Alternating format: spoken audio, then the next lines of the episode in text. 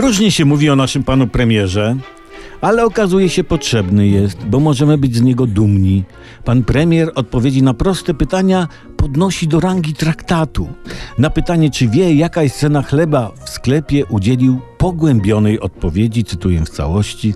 Pan premier mi felieton napisał. Pani mnie pyta o ceny w sklepie, natomiast po drugiej stronie są rolnicy.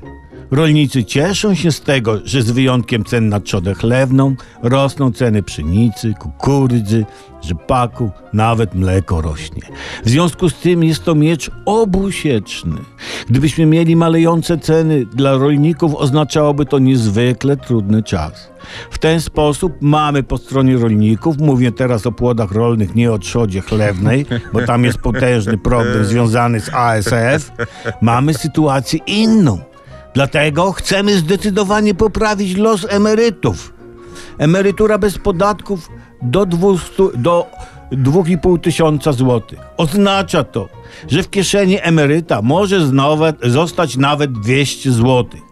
To jest rzecz, o którą ja z kolei pytałem emerytów. Bardzo często na moich spotkaniach w domach seniora. Bardzo licznych spotkaniach z emerytami. Czego oni oczekują?